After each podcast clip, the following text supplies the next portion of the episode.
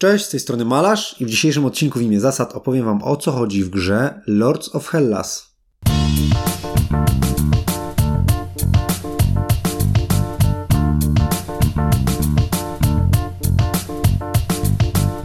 Lords of Hellas to gra typu Area Control oraz Dudes on Map.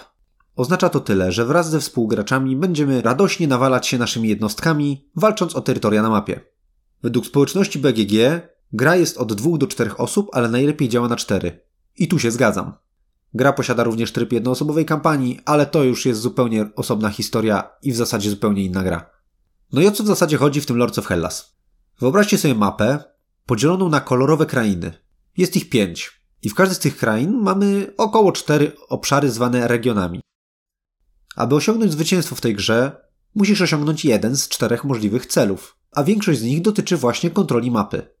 Najprostszym sposobem na zwycięstwo jest przejęcie kontroli nad dwoma całymi krainami. To znaczy, że musimy naszym wojskiem zająć każdy region w dwóch wybranych przez siebie krainach i od razu wygrywamy.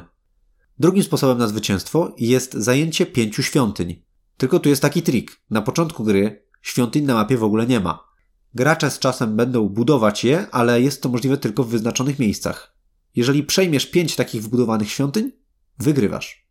Trzecim sposobem na zakończenie gry jest wybudowanie jednego z monumentów obecnych w grze.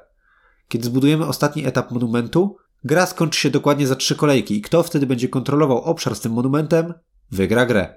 O co chodzi z tymi monumentami, za chwilę się dowiecie. Czwartym i ostatnim celem jest natomiast coś bardzo nietypowego. Zabicie trzech mitologicznych potworów. To teraz trochę o kontekście gry. Lords of Hellas to gra, która dzieje się w starożytnej Grecji, ale z twistem technologicznym. To znaczy, przybyli obcy, dali ludziom technologię, no i ci jakby są takimi teraz półbogami. Natomiast potwory mitologiczne to tak naprawdę cyborgi i maszyny, które panoszą się po naszych ziemiach. I właśnie w grze, oprócz tego charakteru, kontroli mapy, produkowania i przesuwania wojsk, jest też warstwa przygodowa. To znaczy, oprócz tego, że na początku gry każdy z nas posiada jakąś szczątkową armię, wybieramy także bohaterów. I każdy z nas posiada figurkę jakiegoś bohatera, w korboksie są to Herakles, Achilles, Perseusz oraz Helena. Taki bohater będzie poruszał się po mapie niezależnie od wojsk, nie będzie zważał na armię przeciwników i będzie się w zasadzie zajmował swoimi sprawami. Jedną z nich jest wypełnianie misji, które są tu i ówdzie rozsiane po mapie, a innym jest właśnie polowanie na potwory. I jeżeli takich potworów pokona trzy, osiąga zwycięstwo. Każdy z tych bohaterów posiada własną unikalną zdolność startową, która da nam jakąś dopałkę na początek gry, oraz zdolność specjalną, która będzie nam pomagała przez całą rozgrywkę. Dodatkowo każdy z bohaterów posiada trzy statystyki: przywództwo, siłę oraz szybkość. Bazowo każdy z tych parametrów na początku gry posiada wartość 1. Parametry te będziemy mogli podbijać wysyłając kapłanów na monumenty bogów. W zależności od tego, na jaki monument wyślemy kapłana, taką statystykę będziemy mogli podbić. Przywództwo, w zależności od swojej wartości, pozwala nam przesunąć od jednego do maksymalnie pięciu hoplitów w każdej swojej kolejce. Siła zwiększa nasz dociąg kart w momencie, kiedy rozpoczynamy polowanie na potwora. Szybkość natomiast dyktuje, o ile pól w każdej turze nasz bohater może się przesuwać. A jak wygląda w tej grze struktura turowości? Kiedy pierwszy gracz rozpocznie i wykona całą swoją turę, rozgrywamy kolejne tury kolejno, zgodnie z ruchem wskazówek zegara i w zasadzie od tej pory już nie ma żadnego podziału na rundy czy etapy gry. Po prostu gramy jeden gracz po drugim, aż do momentu, kiedy gra się skończy. A jak wygląda taka pojedyncza tura gracza? Najpierw możesz wykonać dowolną ilość akcji podstawowych, a są to przesunięcie swoich wojsk, w zależności od tego, ile masz przywództwa, tylu hoplitów możesz przesunąć, przesunięcie swojego bohatera, maksymalnie o tyle pól, ile wynosi jego szybkość, wysłanie jednego kapłana na świątynię, o ile jakiegoś kapłana masz, a jak się ich zdobywa, przejdziemy do tego za chwilę, oraz do, użycie dowolnej ilości artefaktów, które posiadacie, o ile jeszcze nie użyliście ich w tym cyklu. W tym cyklu? No tak, Trochę was oszukałem, że gra nie będzie już nijak podzielona, ponieważ na koniec tury, kiedy gracz już zrobi wszystkie normalne akcje, które chciał, ma obowiązek wykonać jeszcze jedną akcję specjalną. Jest ich siedem i za każdym razem, kiedy którąś z nich zużyjemy, zakrywamy ją X-em, co oznacza, że ja nie mogę już używać tej akcji, dopóki ten X tam leży. A jak go ściągnąć? Otóż jedną z akcji jest budowa monumentu, która jest swoistą interfazą w grze i tak jakby zamyka pewien cykl gry, chociaż jest to bardzo umowne, bo tak naprawdę gdyby gracze się uparli, mogliby odpalać te akcje bez przerwy. Akcja budowy monumentu, między innymi, ściąga wszystkie Xy z naszych akcji specjalnych, odświeża zużyte artefakty, Aktywuje potwory, które być może przesuną się, być może zaatakują swój obszar. Dociągamy również jedną kartę wydarzenia, która może wygenerować nową misję albo wystawić nowego potwora na mapę. Rozbudowuje jeden z obecnych w grze monumentów, z których każdy na początku ma pierwszy poziom, a kiedy osiągnie poziom piąty, uruchomi się procedura zakończenia gry i po trzech kolejkach osoba, która będzie go kontrolować, wygra. Trzon gry stanowią jednak pozostałe specjalne akcje, które umożliwiają nam wykonywanie kluczowych działań na planszy. Zanim jednak dokładnie je opiszę, jeszcze mały wtręt. W różnych regionach na mapie obecne są obiekty takie jak twierdze oraz kapliczki. Jeżeli w regionie jest twierdza, możemy do niej wstawić żołnierza i ten żołnierz ma zwiększoną obronę w bitwie, kiedy ktoś nas tutaj zaatakuje. Kapliczki natomiast to miejsca, w których możemy zbudować świątynię. A jak to robimy? Akcją specjalną budowa świątyni. Po prostu, jeżeli kontrolujesz region, w którym jest kapliczka, a nie ma tam jeszcze zbudowanej świątyni, możesz ją postawić i dostajesz w zamian za to kapłana. Jak pamiętacie, kapłan służy do tego, żeby podbijać te fajne statystyki naszego bohatera, czyli przywództwo, siłę i szybkość. I to jest tyle, jeżeli chodzi o tą akcję. Ale jak już mówimy o kapłanach, to powiem wam, skąd dokładnie można ich brać. Jednym ze sposobów jest właśnie zbudowanie nowej świątyni, innym akcja budowy monumentu, którą już opisałem. Jednym z jej punktów, o których jeszcze nie wspomniałem, jest to, że sprawdzasz, ile kontrolujesz w tym momencie świątyń i za każdą z nich zarabiasz dodatkowego kapłana. Innymi słowy, jeżeli chcecie dopakować statystyki swojego bohatera, wystarczy postawić dwie, trzy świątynie, a następnie używać akcji budowy monumentu. Pamiętajcie jednak, że na monumenty bogów, które zwiększają nasze statystyki, kapłana można wysłać tylko raz na turę, natomiast każdy monument posiada tylko dwa miejsca dla kapłanów i jeżeli zostaną one zajęte, musimy po raz kolejny wykonać akcję budowy monumentu, ponieważ wtedy kapłani stamtąd spadają i zwalniają te miejsca. Dobra, ale wracając do akcji specjalnych. Wiecie już ze szczegółami, jak działa budowa monumentu oraz jak działa budowa świątyni. Kolejna prosta, intuicyjna akcja to werbunek. W każdym regionie, w którym posiadasz twierdzę, możesz zwerbować dwóch hoplitów.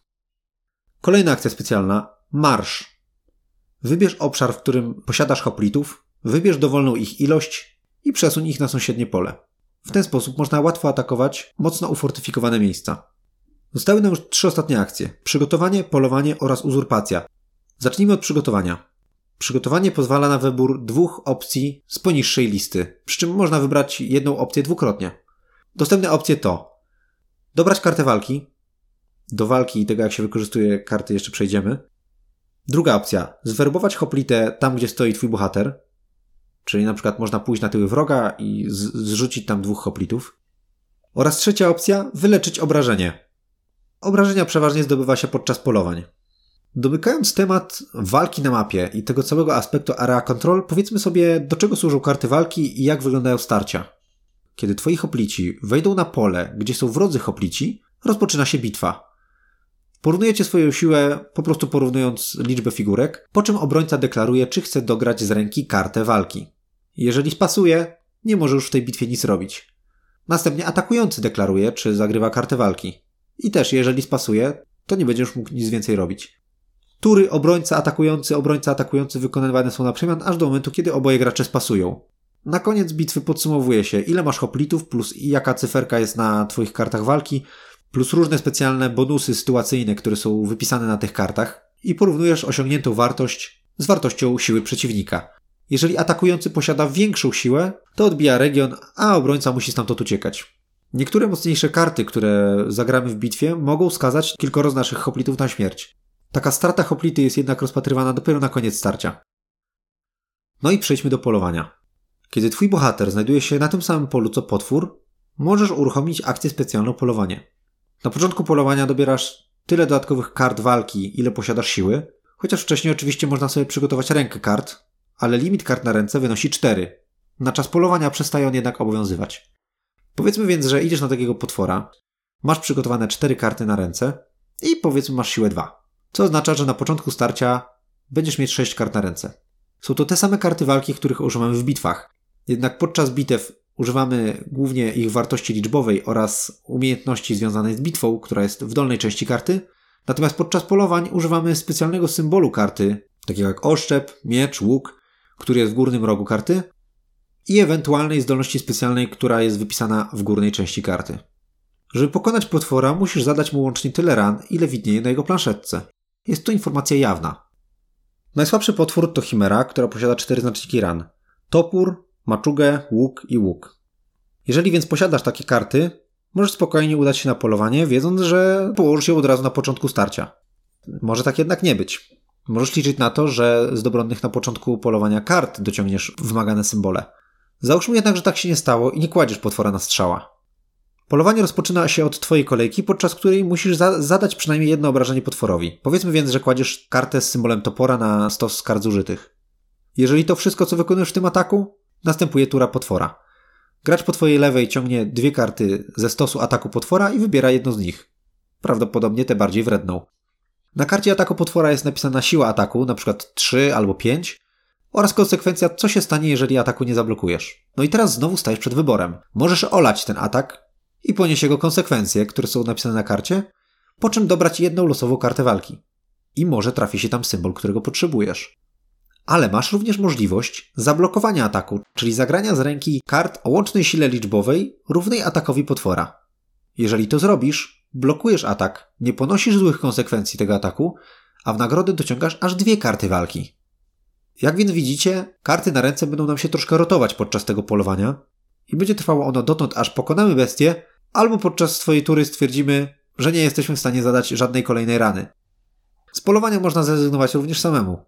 W przypadku porażki czy ucieczki otrzymujesz ranę, co oznacza, że jeden z Twoich parametrów, siła, przywództwo, szybkość, tymczasowo wynosi jeden i żeby przywrócić stan poprzedni trzeba będzie to wyleczyć. Jeżeli natomiast bestia została pokonana, weź jej figurkę jako trofeum, odbierz nagrodę za jej pokonanie oraz zdobądź żeton chwały krainy. Czyli ludzie z tej krainy, w której bestia została pokonana, teraz Cię uwielbiają i mają za bohatera. W ten sposób, domykając temat polowania, przechodzimy płynnie do akcji uzurpacja. Uzurpacja pozwala nam po prostu przejąć naszym bohaterem jakiś teren, mówiąc wypad stąd. I nieważne jak duża jest tam armia, jak wielka była tam obrona, po prostu ci żołnierze muszą sobie stamtąd pójść, a jeżeli wokół nie ma żadnego pola, na które mogą uciec, to wszyscy giną. Ale to jest skrajna sytuacja.